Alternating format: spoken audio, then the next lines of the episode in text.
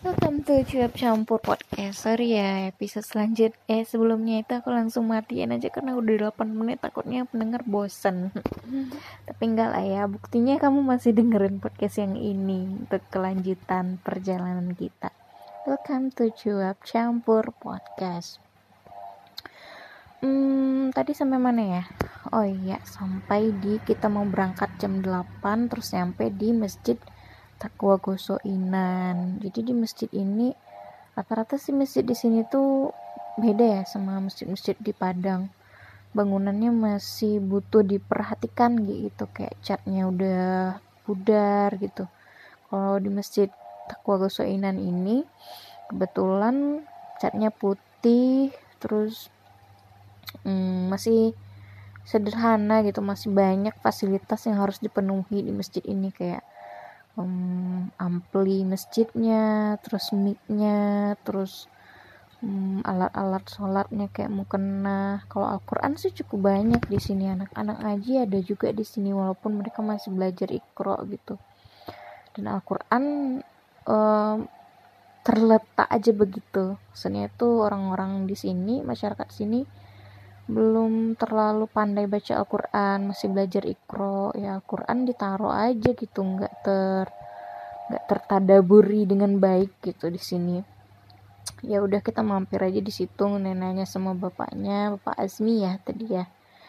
Hmm, di sini nggak terlalu banyak sih yang muslim. Dan masjidnya juga nggak terlalu rame karena kakak muslimnya sedikit nggak terlalu banyak dan kalau Ramadan sih mereka ya paling rame di awal. Pas di akhir Ramadan juga nggak terlalu rame gitu. Kayak ekor cicak kali ya. Dan mereka kekurangan dai nggak ada hanya ada guru ngaji yang datang tiga kali dalam seminggu. Terus ya Pak Azmi inilah yang bantu-bantu keseharian di Masjid Talgosoinan hmm, kita mampir bentar aja foto potret-potret terus kita lanjut perjalanan karena perjalanan kita panjang ya sampai ke ujung pulau rencananya nih. Gimana ya apakah kita kesampaian ya sampai ke ujung pulau sana yaitu di kita berencana berangkat sampai ke Katiat sih cuman nggak tahu lah nanti kesampaian atau enggak lihat ya cerita kita selanjutnya. Kita lanjut ke Matobe desa Matobe sama Tobe ini cukup banyak ya penduduk muslimnya bisa dibilang seperti itu. Cuman eh, sampai di Matobe pas hari Kamis itu kita nggak ketemu sama Pak Kadesnya. Kebetulan Bunda Tuti sebenarnya udah nelpon Pak Kades. Pak Pak Tamburin nama beliau. Janjiannya hari Jumat ketemu sama beliau. Dan Bapak yang driver bawa armada kita juga pas nyampe di Matobe nelfon Pak Tamburin eh Pak Tamburin lagi ada rapat di Bapeda. Ya udah karena Pak Kadesnya kebetulan muslim ya jadi kita koordinasi sama Pak Kadesnya. Pak Kadesnya ini eh, janjian besok jadi kita lewat di masjid Matobe dan di desa Matobe ya cuman lewat aja take foto dari jauh terus kita lanjut perjalanan ke titik selanjutnya. Hmm, jing jing jing jing jing jing jing jing jing. Jalanan sih masih bagus ya. Masih aspal aspal aspal beton gitu walaupun masih banyak lubang-lubang dan debu jalanan. Kita nikmatin perjalanan sambil cerita-cerita sambil nyimak cerita dari kebetulan di masjid uh, Takwa Gosoinen tadi tiba-tiba Bunda Rama datang. Eh ternyata beliau mau ikut sama rombongan kita hari ini. Ya udah deh kita makin rame. Ada temanku itu eh, bertiga. Kita berempat dari lembaga kita dari kantor. Terus ada teman yang satu lagi sama Pak driver sama Bunda Rama juga. Jadinya tuh ada tujuh orang. Ya rame enak dong rame-rame.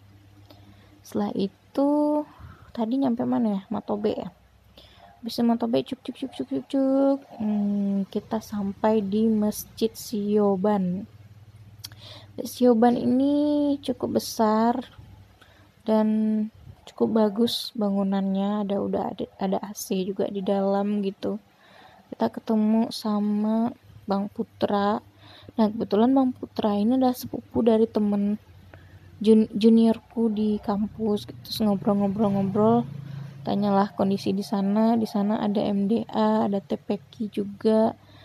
Ya kurang lebih masalahnya ya pembinaan para mualaf gitu yang kurang di masjid ini gitu. Jadi mualaf mualaf di sini orang yang baru masuk Islam itu mereka kurang dibina gitu.